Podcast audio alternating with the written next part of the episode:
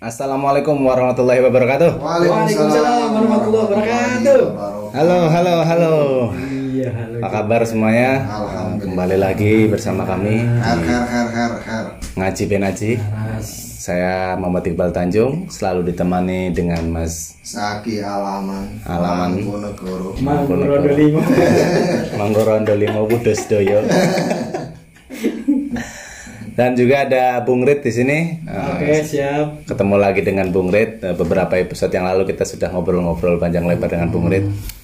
Belum tuntas itu loh. Belum tuntas. Ya nanti kita sambung lagi. Iya. Kali ini kita ya, pengen bahas soal pandemi aja. Oke, oke. Karena kan pandemi ini kan sekarang jadi barang viral ya. Semua eh, media sosial, semua media mainstream, dari mulai TV, koran, internet semuanya membahas soal pandemi COVID-19 yang diawali di Wuhan, yang kemudian merembet ke seluruh dunia, yang akhirnya eh, menurut WHO ini dianggap sebagai pandemi. Berbicara soal pandemi, menurut Mas Zaki dan Bung Riyad ini, bagaimana pendapat eh, panjenengan soal pandemi ini? Apa ini benar-benar merubah eh, gaya hidup kita yang dulunya kayak kita kan biasa nongkrong ya kan? Iya. Wah, apalagi puasa-puasa kayak gini, Asik ya. ya tongkrong-tongkrong buka bersama ini kan pasti jelas berubah nah menurut jenengan sendiri gimana soal pandemi ini Bung Rit Oke. Iya, sedikit ya eh, tentang bagaimana eh, negara kita khususnya Indonesia, tapi walaupun secara global juga terkena dampak pandemi sehingga WHO menetapkan bahwa ini sudah menjadi epidemi ya atau Pandemi. Epidemi dan pandemi ya kurang lebih sama. Nah, kalau menurut saya pribadi, pandemi ini memang unik ya. Di sisi lain ada hikmah, ya kan? Tapi di sisi lain juga kita juga ngerasa kayak dituntut, terus dipaksa berubah cara hidup kita, cara pandang kita, cara kerja kita, cara apa pun bahkan sampai cara ibadah kita ya. Eh, ya lagi-lagi gimana ya kalau ditanya menurut pandangan pribadi ya kita mau nggak mau harus nerima dengan lapang dada dan seperti kata presiden tercinta kita ya kita harus berdamai dengan Corona Bersahabat lah ya. saya nggak tahu istilah itu maksudnya berdamai apakah kita ketemu terus ngajak ngobrol Salaman. kompromi dengan Corona atau bagaimana gitu tapi intinya adalah ya kita harus melawan tetap ya tentu kita harus melawan. Nih saya klarifikasi takut viral ini. Ntar kayak siapa tuh yang youtuber cewek itu? Ah, ah. tapi jadi viral ya monetize banyak banget tuh jadi lumayan. Ini kebetulan YouTube baru awal ini ya? Ya udah yang belum belum pernah kita upload. Iya. Kita cuma bikin-bikin aja. Iya. di upload mah ntar ya. Iya, iya sekalian panjat lah ya, panjat sosial lah ya melalui eh, hashtag COVID-19 itu tadi. Ya, yang jelas kita tentunya tetap kita harus ada ikhtiar yaitu dengan cuci tangan ya kan. Saya khawatir kalau saya bilang gak usah cuci tangan, wah jadi viral ntar. cuci tangan, pakai masker, jaga da- jaga jarak, ya kan. Kan dulu sempet tuh WHO menetapkan social distancing, tapi kenyataannya tidak mungkin sosial karena kita ada WA, ada sosial media dan lain sebagainya. Makanya WHO juga mengeluarkan physical distancing. Dari itu ya kita nikmatin aja. gini-gini aja sebenarnya Gini-gini aja ya gitu. gimana Mas Zaki Eh, kalau pendapat saya mengenai pandemi ini semuanya berubah. Kita lihat Facebook Corona, Hmm. WhatsApp Corona, IG Corona. IG aja IG IG so Inggris aja waku Ini saya baru dengar nih. Seumur umur gitu. Biar viral. Bahkan IG selevel Mark saja nggak pernah nyebut IG gitu loh. Bingung ya. Itu Mana mengingat Bikin istilah baru. oke lanjut lanjut IG. Semua memberitakan tentang corona. Melihat dompet merana. Oh iya. Curhat gue. Jelas Karena memang imbasnya luar biasa ya. Jadi satu hal yang apa namanya yang harus digarisbawahi Kalau saya lebih ini apa namanya lebih husnudzon dengan Allah Subhanahu Wa Taala karena di setiap ujian pasti ada hikmahnya. Jelas ke depan nanti dengan upaya dan ikhtiar hamba Allah menghadapi ujian yang sangat luar biasa ini, ke depan Allah akan memberikan uh, perekonomian yang baik, kekuatan Amin, amin. yang baik. Amin. Yang jelas hari ini saya berpendapat bahwa kita harus bersabar dengan adanya ujian ini karena asobru minal iman. Semua merasakan adanya wabah ini. Wabah ini kan bukan hanya satu kali dua kali sudah terjadi. Bahkan dulu sempat diceritakan ada flu Spanyol dan sebagainya yang kemudian hari ini kita harus bisa berkaca dan bisa apa namanya bisa mengambil pelajaran-pelajaran tentang wabah-wabah yang sudah pernah terjadi mungkin pada saat zamannya Rasul dan sebagainya. Maka kita secara secara keagamaan secara aturan ini kita wajib untuk mengikuti anjuran-anjuran yang sudah diperlakukan baik oleh agama maupun oleh pemerintah itu juga kita wajib yang tadi yang sudah disampaikan jaga jarak pakai masker dan lain sebagainya namun tidak kemudian hari ini kita patah semangat atau putus harapan bahwa masih ada nggak sih harapan kita untuk hidup di masa yang akan datang Walau asul lah ya. Ya asli ya. Artinya eh, sesuai sesuai hashtag yang hari ini rame ya mas ya. Eh, Indonesia terserah ya. apa hashtag yang sekarang rame kan begitu. Artinya satu hal yang perlu dipahami bahwa umatnya Nabi Muhammad dan umat Islam ini bukan makhluk yang cepat putus asa karena putus asa itu bukan bukan hamba Allah dan bukan umatnya Nabi maka sebisa mungkin kita harus tetap bersemangat dalam menghadapi ujian yang sangat luar biasa ini jadi Betul. betul. saya berpendapat kepada seluruh sahabat-sahabat pendengar baik penonton bersabarlah dengan ujian ini maka insya Allah Allah akan memberikan kekuatan-kekuatan baru apa hikmah-hikmah yang nanti akan bisa kita petik dari ujian-ujian yang semacam ini Mm-mm. Ya. Ibaratnya kalau kita hidup itu eh, tujuan akhir kita adalah dunia alam akhirat misalnya. Oh, Di iya. sana ada surga dan neraka. Sekarang kan berarti kita lagi diuji dulu. Nah ibaratnya kalau kita lagi ujian nanti hasilnya A, B, C apa Karena lulus tidak lulus. ujian itu yang diberikan oleh Allah itu memang Allah tidak akan pernah menurunkan ujian itu di luar batas kemampuan manusia berarti kan Allah yakin bahwa manusia ini mampu asal ini ya. Asal apa namanya yang ujian kali ini masyarakat mengikuti anjuran pemerintah enggak. Itu kan bagian daripada eh, apa kemampuan keyakinan Allah terhadap hambanya bahwa ini manusia sebenarnya mampu menghadapi ini. Cuman karena memang kadang banyak masyarakat yang masih eh, apa tidak tidak menghiraukan imbauan pemerintah yang katanya kemudian kalau kita nggak kerja istri kita mau makan apa kalau Iya. kita di rumah terus ya kan Iya, iya. Ini keluhan guru honorer, Pak. Curhat lah. Iya. keluhan guru honorer kayak gitu. Iya, iya. Susah. Iya tapi benar benar benar sekali yang apa yang disampaikan oleh Mas Aki. Memang keadaan ini membuat kita kayaknya kayak ada normal baru sebenarnya. New normal yang sering-sering disebut di beberapa media. Kita akan menghadapi yang namanya new normal.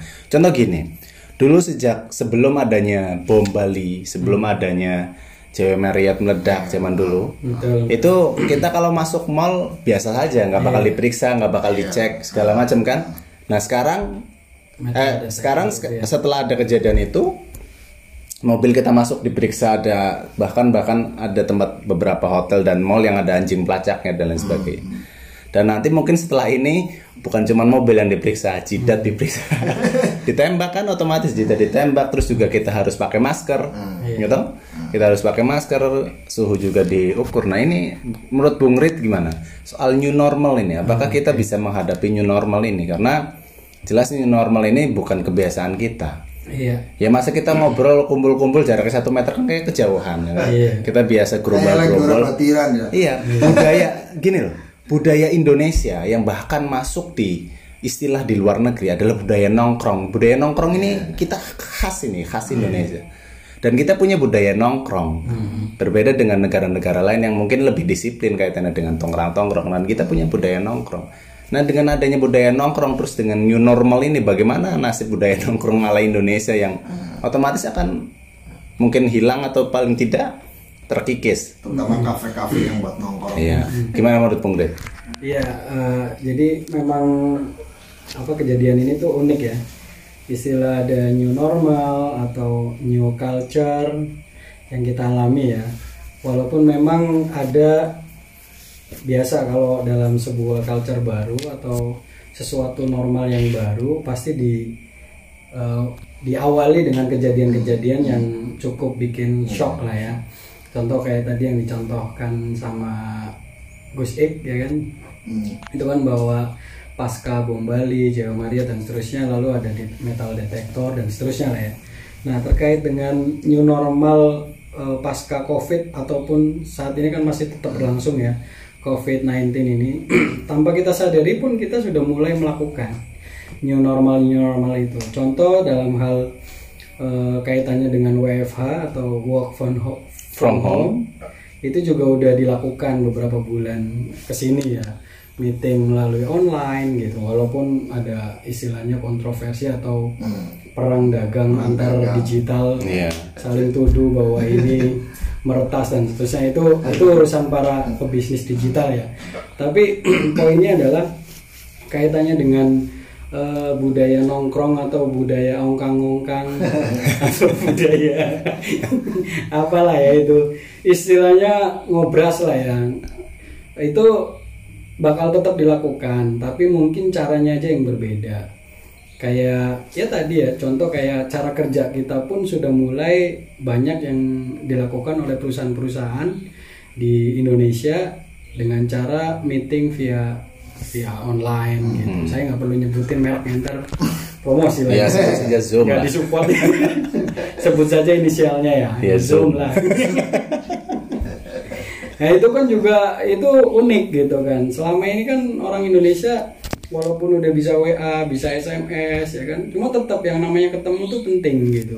Karena pada dasarnya eh, masyarakat timur kan lebih suka ngumpul ya. Hmm, hmm. Nah hal ini juga bikin awal-awal sih mungkin berat ya berat buktinya ketika awal-awal mulai diberlakukan peraturan-peraturan social distancing, physical distancing di berbagai macam kota atau bahkan daerah itu sampai se- sekarang sih ya masih Sampai masih sekarang masih. dilakukan. Kecuali di Brebes kayak. masih dilakukan operasi-operasi kan ya. Dilarang dagang dilarang bagi orang yang tidak menjual uh, kebutuhan pokok ya. Nah ya gimana ya? Uh, mungkin nanti dengan uh, berjalannya waktu ya kita tidak tahu covid ini sampai kapan tapi yang jelas sesuai arahan pemerintah kan bulan Juni sudah mulai efektif semua ya karena perekonomian kita kita tidak bisa mengelak bahwa hari ini perekonomian benar-benar luar biasa ya luar biasa mengalami penurunan. Saya jadi teringat gitu teringat tentang new normal yang dilakukan oleh salah satu perusahaan digital. Dan itu sangat mencengangkan seluruh eh, apa ya seluruh pendiri-pendiri digital di seluruh dunia. Ada eh, eh, saya saya sebut aja kali ya Ah, Gojek ya Gojek awal Sebut aja Gojek. iya sebut aja Gojek Mudah-mudahan dengar ya. Iya, Gojek. iya, udah jadi kita di endorse gitu ya. Nah di Gojek itu kan bayangin seorang Google, eh, Google itu dari dulu sudah mempunyai cabang di Indonesia, di seluruh dunia lah, khususnya Indonesia. Bagaimana caranya Google me- mengedukasi orang-orang masyarakat pada umumnya untuk bisa eh, melek digital. Hmm, hmm. Ternyata yang bisa melakukan kan itu ya si Gojek itu ya Iya, iya. dari yang tukang nggak tahu apa-apa sekarang udah melek. hafal. itu kan berawal dari hal yang sederhana yaitu melalui tukang gojek ya tukang ojek pangkalan yang tadinya nggak ngerti tukang ojek yang tadinya nggak pernah masuk hotel tukang ojek yang tadinya nggak pernah masuk mall sekarang mereka udah fine fine aja nggak pede pede aja gitu. Nah itu juga salah satu bentuk new normal yang saya pikir itu keren banget gitu loh. Nah saya yakin nanti ketika uh, pasca covid ini mudah-mudahan dalam waktu dekat ya ada hal baru lagi selain hanya kita mungkin meeting via online dan seterusnya saya yakin ada muncul hal baru lagi yang ya saat ini belum kita tahu ya. Hmm. tapi new normal itu akan muncul gitu loh entah itu bentuknya seperti apa ya kita tunggu aja tanggal mainnya. Yang jelas para uh, oportunis udah udah udah nyiapin semuanya gitu. Ya terus juga sebenarnya ada hal new normal lagi dalam maksudnya dalam aspek keagamaan kita. Oke. Okay. mereka tradisi kita kan tradisi jamiahan. Yeah. yang jamiah berkumpul ngaji bareng. Jamian berkumpul ngaji bareng biasa apa uh, tradisi kita seperti itu. Bahkan kalau pengajian pun dikunjungin ribuan orang kalau ada pengajian. Terutama untuk uh, ini kan kasihan kiai-kiai ustadz-ustadz sekarang jamnya juga berkurang. termasuk iya. jamnya berkurang. Ah. Pejuang tahlil juga kan biasa setiap hari makan berkat kan. Iya. nggak makan nasi berkat, ya kan? Nah ini menurut Mas Zaki gimana? Kaitannya dengan uh, efeknya pandemi ini terhadap kegiatan keagamaan kita. Mm-hmm. Maksudnya yang dalam dalam artian yang mengumpulkan masa yang banyak. Atau gimana?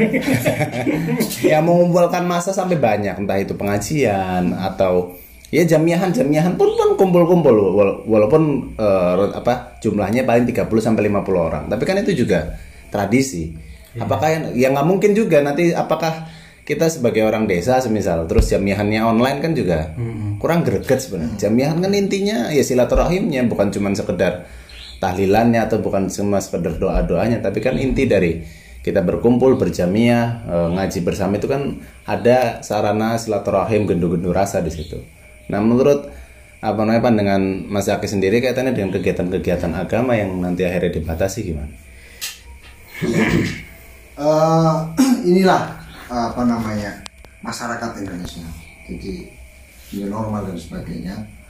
Kita itu sangat sangat senang dengan istilah mewajah dan bermujalasah. Hmm tadi yang disampaikan dengan kayak jamiah dan sebagainya bermuajah dan bermujalasah. Ngelemprak berongkangnya istilahnya pertemuan praktis ya ngelemprak pokoknya habis kira kira iya, iya. termasuk saya terkena imbasnya berkurang iya iya pengajian tahlil pengajian pengajian berkurang ya. nah ini termasuk iya. nah, kalau saya tetap husnudon bahwa ini akan berakhir badai pasti akan berakhir dan tidak akan pernah selamanya akan seperti itu. Karena apa? Karena nanti begini, kan ada ada istilah kayak gini. Jika engkau berbaik sangka kepada Allah, maka Allah akan menurunkan kebaikan. Jika engkau berburuk sangka kepada Allah, terus menerus, maka itu yang akan terjadi. Kalau saya pedomannya itu. Kalau hari ini kemudian banyak berkurangnya orang bermuajah, bermujalasa ketika ngaji atau pengajian dan sebagainya. Memang hari ini kita harus apa namanya menghindari hal-hal itu karena mengandung madorot yang sangat banyak. Kaitannya ibadah misal. Ibadah yang dilakukan kayak sholat taraweh kemudian. Apalagi sholat idul fitri ya yang nanti akan mungkin di akhir ini akan dibahas. Sesuatu hal itu memang baik. Akan tetapi ketika terkandung madorot yang lebih banyak itu boleh ditinggalkan. Artinya mungkin hari ini corona ini membuktikan bahwa selama ini banyak orang yang apa ketergantungan dengan digital. Ini mohon maaf ya, saya sebut digital. Dulu saya masih teringat betul. iya, maksudnya gini, mohon maaf kepada orang-orang yang yang selama ini mengandalkan digital dan oh, sekarang iya. dibuktikan oleh corona. Ini hebatnya corona. Silaturahmi. silaturahmi kayak akrab banget ya dulu dulu tidak ada corona paling tetangga sebelah ya hmm. tinggal melangkahkan kaki hanya lewat WA hmm. ya kan? Kemudian apalagi? Pertemuan-pertemuan yang seharusnya dilakukan dengan cara bermuajahah bertatap muka langsung dengan kesibukan kita masing-masing lewat cara online. Nah ini mungkin corona sedang membuktikan. Ini loh manusia itu dari dulu mungkin ketergantungan dengan dunia digital. Yang kemudian hari ini corona membuktikan segala. No serba digital no artinya apa? Biar gumoh. Artinya eh, ketika menanggapi hal-hal yang kemudian eh, kegiatan-kegiatan keagamaan ini berkurang dan sebagainya ini memang saya saya saya sangat yakin betul bahwa ini akan berakhir. Dan ini akan kembali secara normal kembali. Entah ini nanti kapan ya bulannya kapan tahunnya kapan. Mudah-mudahan kita berharap eh, apa namanya wabah ini akan cepat selesai dan cepat diangkat oleh Allah ya yang kemudian bisa kembali normal. Nah, untuk sementara ini kita memang apa namanya terkena imbas. Bahkan bukan saya sendiri bahkan dari pembisnis, pengusaha dan lain sebagainya terkena imbasnya. Bukan cuma sekedar imam tahlil, imam sholat, nah, bukan. Tapi semuanya terkena Anda termasuk kelompok di? semuanya lah.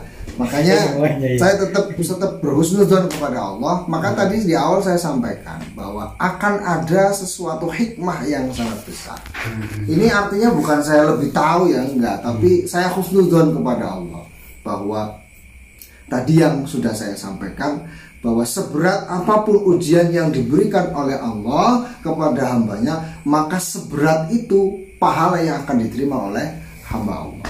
Amin. amin Amin. Ya Allah. Amin. walaupun cuman gara- gara-gara gara-gara corona ini akhirnya kita puasanya juga cuma turut-turut Ini curhat kedua nih. loh puasa tidurnya orang puasa di tengah pandemi berarti pahalanya dua kali lipat Oh, hadisnya anak ya.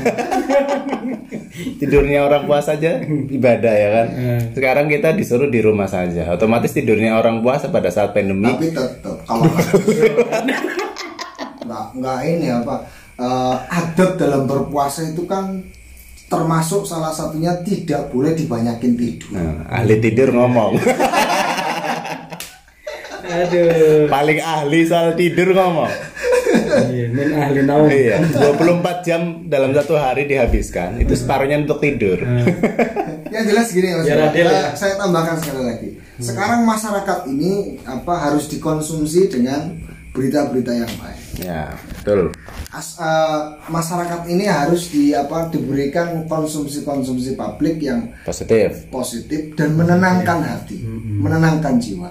Dan kalau saya boleh berpendapat tentang corona ini bahwa Islam itu betul-betul mengajarkan tata cara pola hidup bukan dari bukan dari cara ibadah saja, tapi dari kebersihan. Ya, dari apa pun yang sebagai Islam itu sudah mengajarkan. Bahkan dari cara keamanan. Ulama-ulama kita mengatakan bahwa begini. Kita apa namanya bukan takut eh, kepada coronanya tapi kita tetap takut kepada Allah Subhanahu wa Tapi anjuran untuk berikhtiar ini dengan cara berwaspada. Dengan cara apa? Dengan cara berikhtiar. Kalau Islam kan gini, keuntungan di dalam Islam dengan dengan masyarakat yang di lain.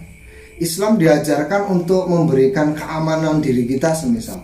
Ketika kita ingin terhindar dari bala atau musibah ya bala atau musibah maka ketika kita hendak keluar bacalah doa ya. Bismillahi tawakkaltu Allah la haula Insya Allah kita akan terhindar dari itu semua. Kita tetap melakukan apa aktivitas seperti biasa artinya dengan dengan mengikuti anjuran pemerintah tapi jangan lupa kita berdoa kepada Allah. Lah di sinilah hebatnya hebatnya agama Islam.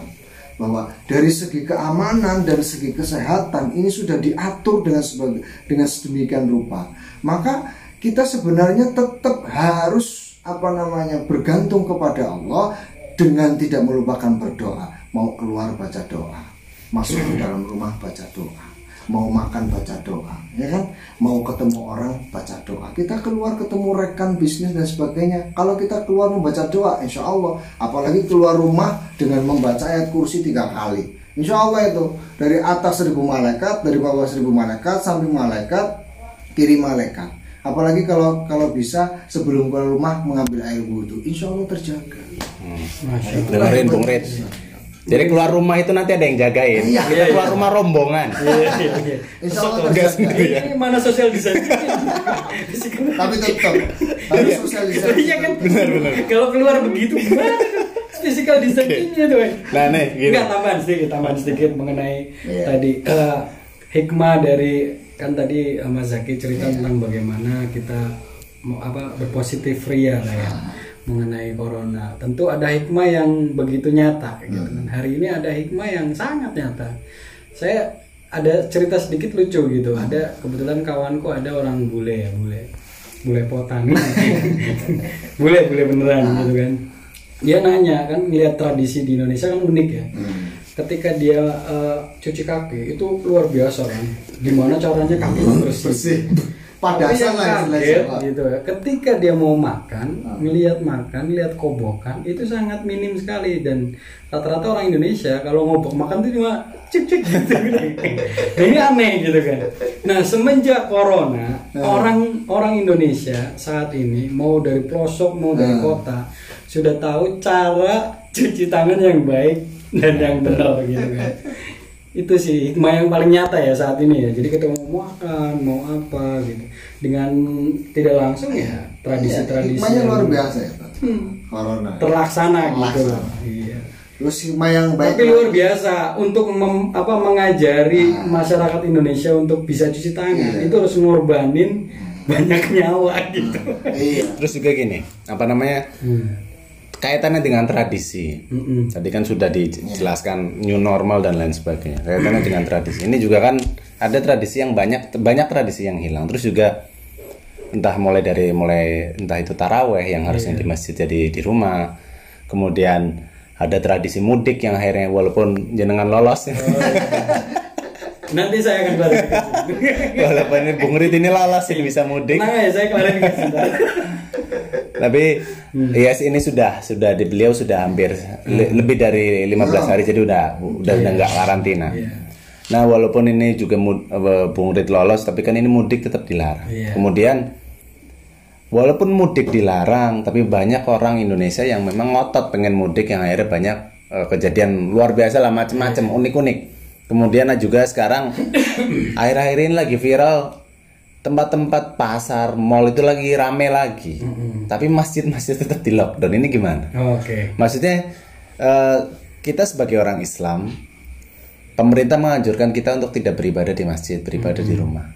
Sementara dalam untuk menggerakkan perekonomian, Iya. pemerintah mulai melonggarkan, biar maksudnya biar ekonomi bergerak, pasar, eh, terus kemudian mall mulai dibuka sedikit demi sedikit. Nah masyarakat ini kan sudah bosan sekali selama dua bulan mungkin di rumah ngejendok aja nongkrong di rumah saya putak ya kan. Kemudian mall dibuka otomatis langsung rame. Nah ini kan kendala apa? Akhirnya efeknya luar biasa, efek dominonya luar biasa. Bahkan ada omongan bahwa kok masjid tetap di lockdown, eh, masjid tetap ditutup, tapi mall, pasar sekarang dibuka. Nah menurut pendapat Bung Rit ini gimana? Oke. Ya, sebelum aku jawab Ya soal mudik dulu itu tadi. Kenapa jenengan bisa lolos daripada nanti viral ya kan. Lagi masanya jadi, viral. Pak. Iya, jadi waktu itu sebelum saya mudik itu tepatnya di tanggal 21 eh, Presiden tercinta kita Bapak Jokowi itu sempat pengumuman kan konferensi pers di media bahwa tanggal 24 akan dimulai pelarangan mudik. Nah, saya tanggal 23-nya saya balik ya. Jadi itu perlu direndah. Takutnya viral ini gitu. Sehari sebelum ya. Sehari sebelum saya lolos makanya waktu itu belum begitu eh, pengawanan belum begitu inilah ya. Baru mulai awal-awal istilahnya masih penetrasi lah ya. Baju tetap taat. iya dong. Aslinya asli itu. Iya, kita kan cinta NKRI gitu kan. Harga mati. Harga mati. Iya, tapi Nah, terus mengenai pendapatku eh, lalu bagaimana dengan kok eh, masjid apa mall eh, karena perekonomian dan seterusnya. Ini isu sebenarnya isu udah apa ya, udah klasik ya dari semenjak awal Covid ya. Isu ini selalu digadang-gadang untuk bagaimana orang-orang eh, mau berkumpul entah itu traweh, entah itu sholat Jumat dan seterusnya ya.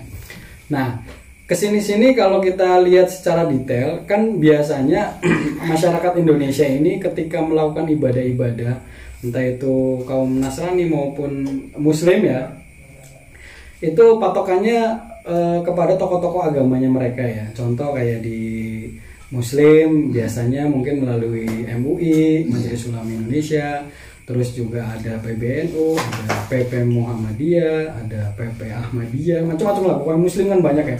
Termasuk juga non Muslim gitu. Nah nyatanya semenjak sebelumnya apa tentang peraturan mall boleh dibuka, MUI pun sudah mengeluarkan bahwa dibolehkan bagi daerah-daerah yang memang masih zona hijau ya iya aman, dirasa masih aman dan seterusnya. Jadi bukan berarti eh, terus pemerintah masih melarang. Ini jangan-jangan ada gorengan gitu. Gorengan Gorengan di konten yang nantinya kriuk lah kayak. iya gitu loh jadi ya kita harus positif terhadap pemerintah ya karena pemerintah eh, saya yakin mengupayakan sebisa mungkin bagaimana masyarakat itu stabil. Tanpa ada peraturan pemerintah mengenai mulainya dibuka mall pun gitu di daerah-daerah tertentu masih masih masih bergeliat gitu masih banyak ya. Jadi ya seperti pemerintah yang anjurkan bahwasannya hal ini mengenai bagaimana penyebarannya dan bagaimana eh, pencegahannya itu tidak bisa dilakukan serta merta sepenuhnya oleh pemerintah melainkan kerjasama menyeluruh. Nah terkait itu ada muncul kan buktinya di beberapa daerah sampai wali kotanya ada yang turun ya kan. Terus ya itu ya gimana ya manusia yang namanya makhluk sosial ya. Ketika ada menjelang lebaran berpikir mau beli baju baru dan seterusnya ya ya kita mau salahkan siapa kalau bukan diri kita gitu. Apalagi Saya dapat diri ya. Hmm? Apalagi habis dapat BLT. Nah ini, ini ini unik juga nih ya kan ya. BLT, bansos ya kan, PKH itu kan ada tambahan-tambahan. Kurang lebih kan kalau nggak salah sempat konferensi pers yang disampaikan Pak Jokowi itu kan kurang lebih 405,9 triliun loh. Itu fantastis banget itu angka ya kan. Dan wa- walaupun memang nggak sepenuhnya untuk bansos, ada yang untuk kesehatan dan seterusnya. Nah, tentu ya eh, kita tidak bisa sepenuhnya selalu dan selalu menyalahkan pemerintah. Karena pemerintah juga kan dilematis ketika mau melarang secara seluruhan eh, keras gitu loh. Karena kerjasama masyarakat juga perlu gitu. Kayak kita saya ya saya saya pribadi gitu. Saya pulang dari eh, Nih di PHK kota, apa dirumahkan? bahasanya harus di rumah Dirumahkan. Selamanya. Enggak dong, maksudnya kan proses itu ada kan. Jadi ketika perusahaan sudah menyatakan dirumahkan waktu awal-awal PSBB itu, nah itu kan saya mencoba mengikuti peraturan dengan saya pulang dari Jakarta sehari sebelum dilarangnya mudik, saya pulang langsung ke puskesmas, ke balai desa, saya laporan Laporan, ya. bahwa saya dari Jakarta, apa yang mesti saya lakukan gitu. Dari puskesmas, dari balai desa eh, eh, menyampaikan eh, Bapak karena ketika saya cek suhu kan kebetulan normal ya waktu itu 3, 36, koma sekian lah ya. Itu disuruh karantina pribadi gitu kan. Nah itu kan penting gitu. Nah tanggung jawabnya sebenarnya diri kita kan. Karena saya ngeliat "Ah, saya ada orang tua saya ada keponakan kecil-kecil gitu kan. Kalau saya terdampak mungkin satu jut- apa satu jati rope bisa kena loh. Iya. karena kan saya kayak Indomart, gara-gara ya. ente. kalau bisa saya nggak nurut Iya, mungkin betul. saya ngikutin pemerintah gitu. Betul betul betul betul. coba ente di posisi saya belum tentu Iya, makanya benar, benar, benar. kemarin sempat ada pertanyaan kayak gini mas. Mas sebenarnya ada nggak sih ijazah nih, ijazah untuk menangkal corona? ya? Saya sampaikan banyak aurat-aurat dari ulama yang menurunkan ijazah-ijazah kepada uh, Aurut tuh apa mas? ya kayak semacam dikir-dikir, kemudian amalan-amalan. bahasa langit soalnya Dan saya sampaikan ijazah yang paling baik saat ini adalah ijazah pemerintah.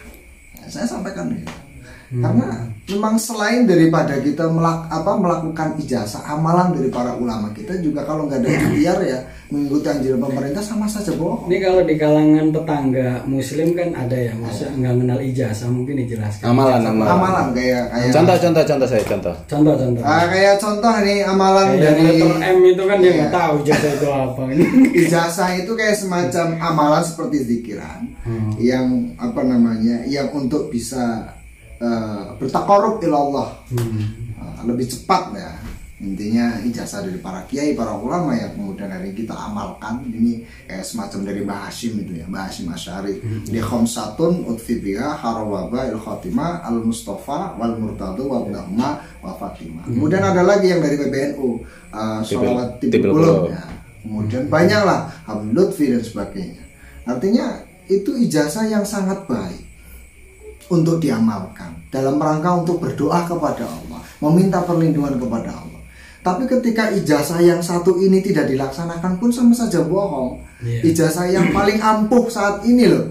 Nah, ikhtiar yang paling ampuh adalah ijazah yang diturunkan oleh pemerintah yaitu dalam bentuk ikhtiar. Selain daripada kita melakukan uh, ijazah-ijazah yang dari para kiai dan guru-guru kita. Contohnya ada itu yang uh, kena corona itu yang ibu-ibu itu yang uh, di, selama di karantina beliau itu mengamalkan ijazah yang diijazahkan oleh Abu Lutfi. Hmm. Kalau Abu Lutfi kan unik nih ya, ada suruh makan bawang kan. Kita kan memang sudah sudah nggak satu hal yang heran lagi sama bawang. Jadi biar eh, sahabat-sahabat di luar sana tahu kalau ijazahnya dari Habib Lutfi makan bawang mentah Iya. tiga tiga butir. butir. Kalau memang nggak sanggup makan tiga butir, masih dikasih kecap biar agak manis. Kalau memang nggak sanggup lagi kasih sate, Iya, paling enak gitu. paling enak itu. Intinya gue pakai nyate sebenarnya. Gitu. Nah, iya saya saya jawab kayak gitu. Jadi ijazah yang paling tepat untuk saat ini adalah ijazah yang diturunkan oleh pemerintah dalam bentuk aturan-aturan itu sendiri. Ya. Nah, virus ini kan sebenarnya eh, corona ini kan bukan bukan apa ya, bukan pandemi baru. Iya. Dari dulu sudah banyak lah penyakit-penyakit yang akhirnya kita bisa beradaptasi, kita bisa kita bisa eh, maksudnya melawan dengan adanya vaksin, obat dan lain sebagainya. Contoh kayak tahun Polio 19 eh, apa? Tahun yang eh, apa? flu Spanyol itu 100 tahun yang lalu. Itu kan apa namanya? Besar banget itu. besar sekali. Itu 19 du- 1918 sampai 1920. Dua tahun berarti ya. Dua tahun itu. Dua tahun. Dan itu kan orang Indonesia yang meninggal itu sampai 5 juta orang. Dan sekarang ya kita biasa-biasa saja. Itu 100 tahun yang lalu. Dan makanya mungkin Mbah Hasim Asyari juga mengeluarkan ijazah soal yang tadi Lehom Satun tadi juga mungkin pada pada masa itu karena itu zamannya Mbah Hasim Asyari hidup. Aji Aji lima. Iya. Dan kalau kita baca beritanya, eh, flu Spanyol yang membunuh sekian juta orang itu hilang begitu saja. Jadi ibaratnya eh, virus itu ada yang memang datang ke dunia ini cuman mampir tok say hi, ngebunuh berapa orang, terus dia pulang lagi. Harapan kita kan secepatnya ini virus ini hilang. Iya. Yang akhirnya eh, memba- apa? eh, kita bisa hidup seperti sedia kala. Tapi menurut Bung Rit ini, apakah kita bisa hidup seperti sedia kala? Maksudnya budaya-budaya kita yang lama, apa kita tetap masih bisa jalankan setelah pandemi ini hilang? Wah menarik nih. Nih. Yang jelas ini ketika sudah terjadi seperti ini kan pasti ada semacam opportunity gitu ya, ada kesempatan yang di mana dari berbagai pihak pihak ya atau oknum yang mungkin kurang bertanggung jawab akan memanfaatkan situasi-situasi ini sehingga kalau bisa ya sepanjang mungkin gitu. Nah ini yang bahaya. Tentu kan perlu kerjasama antar pihak maupun pemerintah maupun masyarakat maupun secara global. Karena ya kita bisa lihat ya konspirasi-konspirasi untuk ini menjadi lama juga kita dengan mata telanjang pun bisa melihat bagaimana eh, peluang-peluang itu sangat gurih gitu gurih dan menguntungkan gitu. Nah eh, kalau kalau untuk merubah eh, nanti ke depannya apakah akan kembali sedia kala ya tentu saya nggak bisa jamin gitu ya karena saya juga masih nerka dan ini juga sifatnya argumentatif ya kan. Tapi yang jelas contoh kayak hal eh, mengenai meeting melalui online seminar melalui online itu saya kira akan menjadi new normal yang akan dijaga terus. Karena terbukti efektif ya. Kayak contoh di komunitas saya juga hal itu sudah mulai komit akhirnya diteruskan ada beberapa komunitas-komunitas pengajian juga akhirnya dilanjutkan gitu. Karena nggak perlu harus datang nggak perlu alasan halangan dan seterusnya gitu. New normal new normal itu pasti tetap ada gitu kan. Cuma memang dalam hal kaitannya dengan eh, bagaimana nanti ini akan berakhir dan seterusnya lagi-lagi ini keterlibatan pemerintah dan berbagai macam pihak itu aktif gitu loh karena ini rawan sekali untuk dimanfaatkan sampai akhirnya jangka panjang gitu. Dulu sih oke lah ketika flu Spanyol bisa menghabiskan 5 juta. Uh, dulu kenapa nggak begitu heboh seperti sekarang? Karena kan belum ada media sosial atau informasi belum seterbuka hari ini gitu kan ya. Nah kalau sekarang kan luar biasa. Kita hari ini aja bisa tahu di Amerika udah paling gede gitu kan. Satu juta setengah. Yang positif loh padahal yang katanya gitu katanya negara didaya gitu. Yang katanya Trump ya kan dengan berbangga ria gitu saya akan membantu gitu. ya itu terlepas dari konspirasi dan seterusnya tapi yang jelas ulah-ulah orang yang tidak bertanggung jawab itu ada. Dan kita harus hati-hati dan mawas diri tetap jaga uh, diri dengan uh, social distancing atau physical distancing cuci tangan pakai masker dan juga jaga jaga kesehatan karena virus ini akan tidak mengenai orang-orang yang imunitasnya tinggi dan kuat tetap sehat Oke. Jadi intinya adalah kalau kita sebagai orang Islam kebersihan adalah sebagian dari iman. Hmm. Jadi mulailah terapkan itu. Itu saya ingat tuh di SD. Tuh. Iya, Pak, itu dalil pas saya SD. itu biasanya typo kan ada ya. Betul. Kebersihan. Bahkan hadis yang sesederhana itu, itu hadis saja. bukan situ. Iya. Itu hadis ya? Iya. Itu bukan makola itu. hadis. Loh, bagian istihad ulama itu kan bisa jadi hadis juga. Ruwiyah siapa itu? itu Ah. famous loh, itu terkenal banget. Anak batu minal iman. Iya, Iya, itu Ruwiyah siapa kalau boleh tahu? Soalnya di Soi Muslim sama Soi Bukhari nggak ada itu. Enggak kadang ada, maksudnya hadis. Maksudnya gini loh. Biar enggak biar enggak salah paham. Ya, Hasil istihad. Dari- makola itu kan? Iya, Bisa hasil istihad. hujah lah. Hmm. Bisa jadi dasar juga tetap. Iya. Nah, Itu dan bisa kita anggap sebagai ulama, ya. sebagai hadis gitu loh karena biar gampang masyarakat menerimanya oh enggak masalah saya dari kecil memahaminya itu soalnya nggak perlu diperdebatkan lah yang jelas itu kan hal baik ya Hmm. Iya. contoh kayak gini saja Ini Eh, kayaknya podcast depan bahas soal itu tuh. itu makola atau hadis gitu ya. Ya kayak istilah halal bihalal saja. Hmm. Halal bihalal itu kan jadi tradisi. Lah itu intinya dari mana? Itu kan apa namanya hasil istihadnya Mbak Wahab kan. Iya, bukan hadis berarti. Iya, banyak sebenarnya banyak, maksudnya banyak istilah-istilah yang memang Jadi yang kita baru. jadi culture dan itu kita anggap sebagai itu dasar, anggaplah itu sebagai eh, dasar kita dalam beragama ya. Anatofatu minal iman ya kita anggap sebagai hadis walaupun itu bagian dari istihad para ulama, karena gitu aja, ya toh. Ya, cuma lah ya. Hmm. Nah, eh. nah, eh, jadi saya kira cukup ya, Murid ya. Iya, iya. Itu Kalau perlu mau- tuh. Terus. Nanti kita lanjutlah debat-debatnya, Iya. karena ini bukan forum debat. Bukan ya. Pembahasan tuntas bukan di sini. Iya. setelah ini- prolog ya. Ya, ini prolog saja. Habis ini jotos-jotosan ya. Iya. Oke.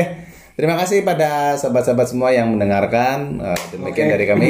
Dua ngaji benaji eh, dari Thank you. Bung Riyad Oke, thank you Bang. dan Mas Aki. semuanya. Semoga selalu aman dan Amin. di tengah pandemi ini kita selalu diberi kesehatan. Terima kasih. Wassalamualaikum warahmatullahi wabarakatuh. Waalaikumsalam